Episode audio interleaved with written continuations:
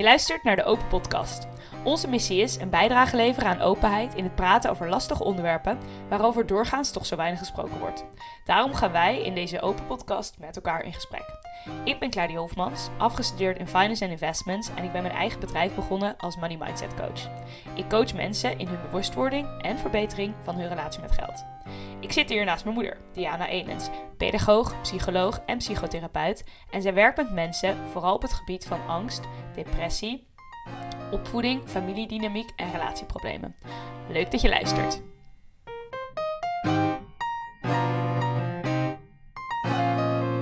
Nou, en waarom wil ik nou zo graag nog een keer het over piekeren hebben? Ik vond het erg leuk om dat uh, te doen vorige keer, dat gesprek uh, samen met Sophie Franke. Uh, en ook leerzaam. Ik had al iets van haar gehoord over die metacognitieve therapie waar ik mee bekend ben, maar dan haar invalshoek specifiek over dat piekeren en dat protocol wat ze daarvoor geschreven heeft. Um, wat me ook opviel was dat we natuurlijk erg cognitief bezig waren. Hè? Metacognitief en cognitief. Cognitief betreft het denken. En metacognitief dus het denken over het denken. Nou, dat is heel interessant, hè? want daar kom je ook in terecht bij meditatie hè? en bij mindfulness. Um, en ik dacht, wat helemaal niet aan de orde is gekomen, is uh, dat piekeren en heel erg in je hoofd zitten uh, en rumineren, wat betekent dat je in een soort rondjes draait met je gedachten en daar niet mee kunt stoppen, um, dat dat ook een vermijding is van voelen. Dat is een hele andere manier van er naar kijken. Um, um, vanuit een hele andere richting ook uh, in de therapie, in psychotherapie. Daar is het vermijding van je gevoel. Dus dat je eigenlijk niet stil hoeft te staan bij wat is er nu eigenlijk aan de hand. En dan je overdekt als het ware je gevoelens met gepieker. Ik zie jou knikken. Is dit, klinkt dit? Ja, ik, ik vind het fijn om te horen van jou of dat uh, aankomt. aankomt. Ja? Um, ja, ik snap wel wat je bedoelt. Dat als je. Het is een beetje het ja, ik zit ook te denken van hoe dat dan bij mij werkt. Want dat werkt voor mij het gewoon het beste. Om te kijken van oké, okay, kan ik het Ja, begrijp eigen... ik het bij mezelf. Ja. Um, en dan kun je het vergelijken bij series kijken. Uh, steeds maar in hetzelfde verhaal blijven hangen. He, wat je bijvoorbeeld, je hebt iets meegemaakt en je vertelt dat tien keer. Nou, soms helpt dat heel erg. Bijvoorbeeld als je erg van geschrokken bent, je bent in shock, is het ontzettend fijn om tien keer hetzelfde te kunnen vertellen. Want dat helpt je echt kalmeren en je systeem weer tot rust te brengen. Maar misschien ken je dat ook wel. Dat je. De, ja, precies. Maar dat is dan dus eigenlijk, hè, als je echt ergens heel erg van geschrokken bent. En um, dan heeft het ook met angst te maken. Dat is één ding. Maar bijvoorbeeld, je bent ergens boos over, of uh, teleurgesteld, of verongelijkt, of verontwaardigd.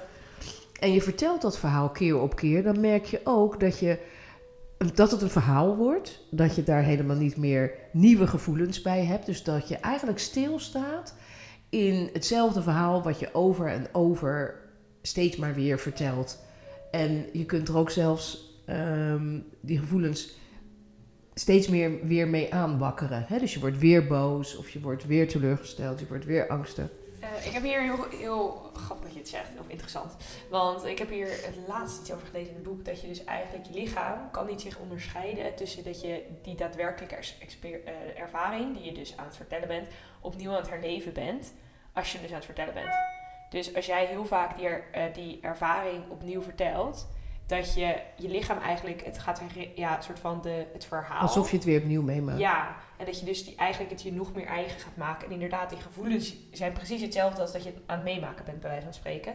En ik kan me wel inderdaad voorstellen dat met piekeren je dat eigenlijk dus in je eigen hoofd doet. Je bent eigenlijk constant hetzelfde verhaal tegen jezelf ja. opnieuw opnieuw aan het vertellen. Zonder nieuwe inzichten, met dezelfde emoties, met dezelfde, ja, ook een beetje misschien op een gegeven moment wanhoop. Omdat je het gevoel hebt dat je er niet uit kan.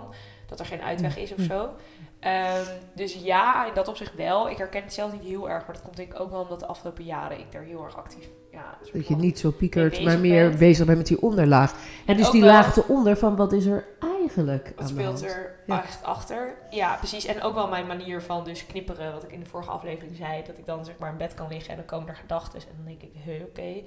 En dan knipper ik soort van met mijn oog van, nou, hier gaan we morgen mee verder. Een beetje zo. Ehm, en ik denk ook wel, dat zei vorig jaar iemand tegen mij, over dat je eigenlijk voor jezelf een beetje de grens moet stellen van ja, ik vertel het aan twee mensen. Als er me iets gebeurt of er gebeurt. Ik, tuurlijk is het goed om het met mensen erover te hebben, met jouw mensen. En tegelijkertijd is het inderdaad, het moet niet iets zijn wat je constant aan het herbeleven bent. Omdat je dan elke keer je, je nervous, zeg maar je zenuwstelsel, gewoon weer dezelfde ervaring weer geeft. Terwijl als het een verschrikkelijke ervaring was, of het is een vervelend verhaal, of je, het maakt je inderdaad heel boos. Ja, je wil eigenlijk niet je zenuwstelsel steeds zo op die manier aanvuren, bij wijze van spreken. Nou, dus even onderscheid hierin. Als je iets schokkends hebt meegemaakt, bijvoorbeeld een ongeluk of zo, dan is het heel helpend als je dat meerdere keren kunt vertellen. Ehm, en ook met nog schokkender ervaringen is het ook heel fijn. Mm uh, als mensen in rouw zijn, bijvoorbeeld door verlies, dan is het heel fijn als ze dat verhaal heel veel kunnen vertellen.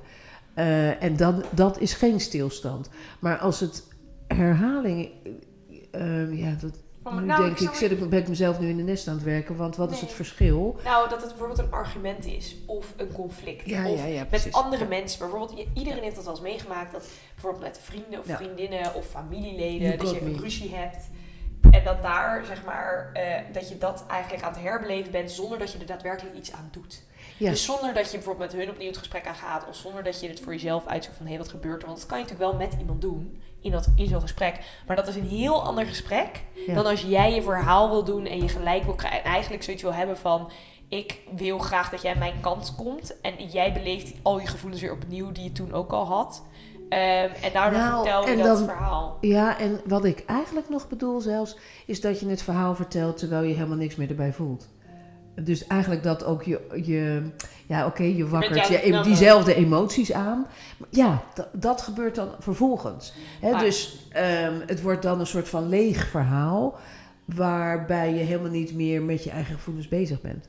Maar is het dan qua nummer, is het dan ook dat je eigenlijk het verhaal vertelt omdat je wat wil voelen? Ja, of omdat je gewoon iets te zeggen wil hebben of zo. Maar oké, maar en hoe is het dan met piekeren?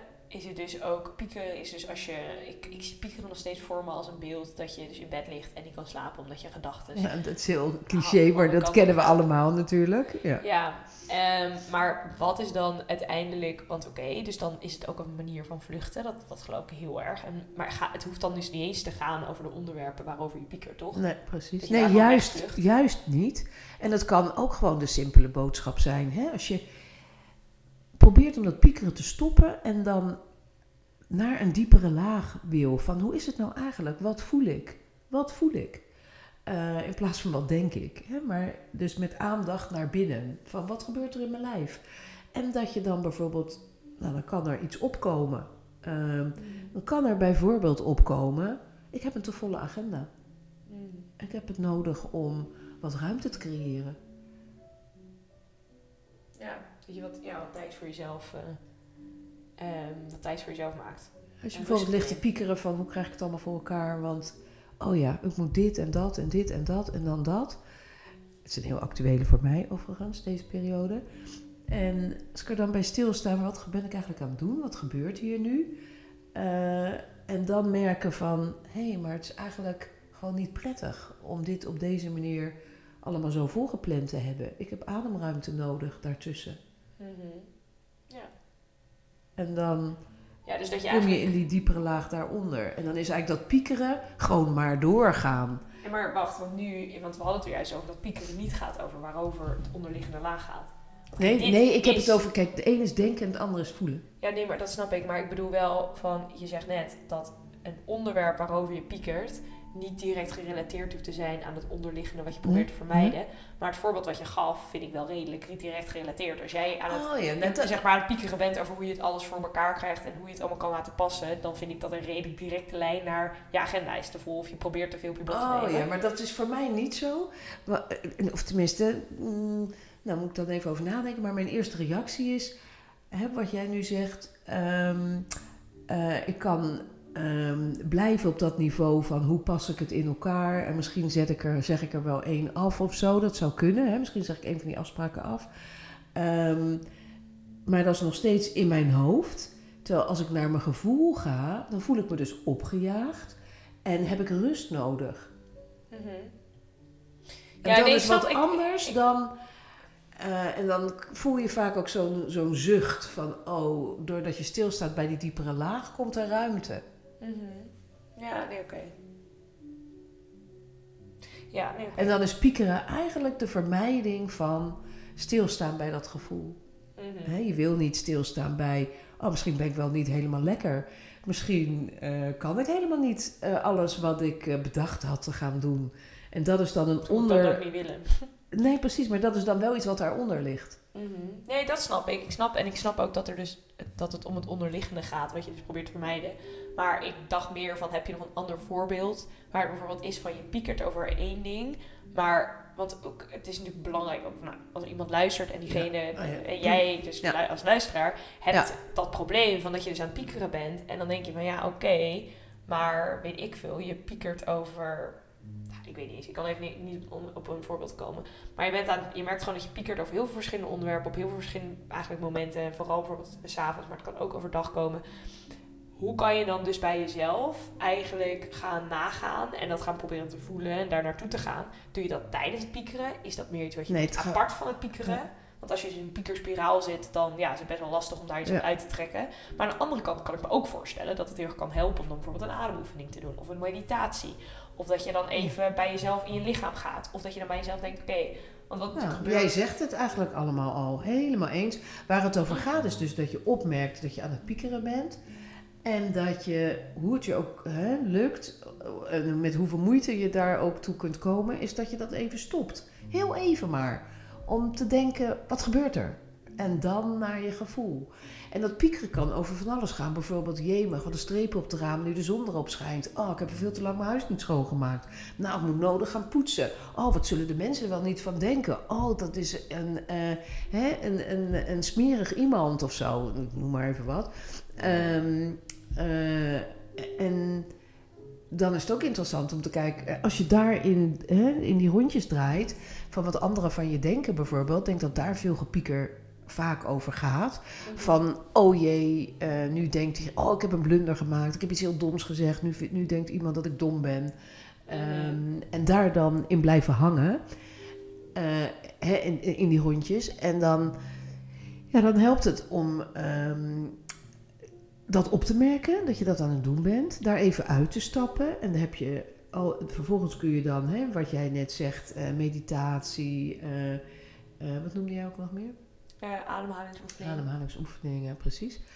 Ehm, Maar het kan ook natuurlijk een rondje lopen of even iets. Ja. Hangt vanaf natuurlijk wat voor de dansen, is. zingen kan ook. Ja, precies. Ja, dansen is natuurlijk ook wel een goeie. En, eh, en Even in je lichaam komen, zeg bij maar. in je lichaam. En in je lichaam zit ook je gevoel. Mhm. Daar komen. En van waar gaat het over? En dan gaat het natuurlijk in veel gevallen over zelfafwijzing. Hè? En kun je dan, kun je dan oké zijn misschien? Zelfafwijzing bedoel je dan? Nou, als je zo piekert over wat anderen van je vinden, Mhm. ligt daar vaak onder dat je zelf op de angst, hè, dat je het gevoel hebt dat je niet goed genoeg bent. Mhm. En dan kun je vervolgens daar mee aan de slag. Want daar kun je iets mee.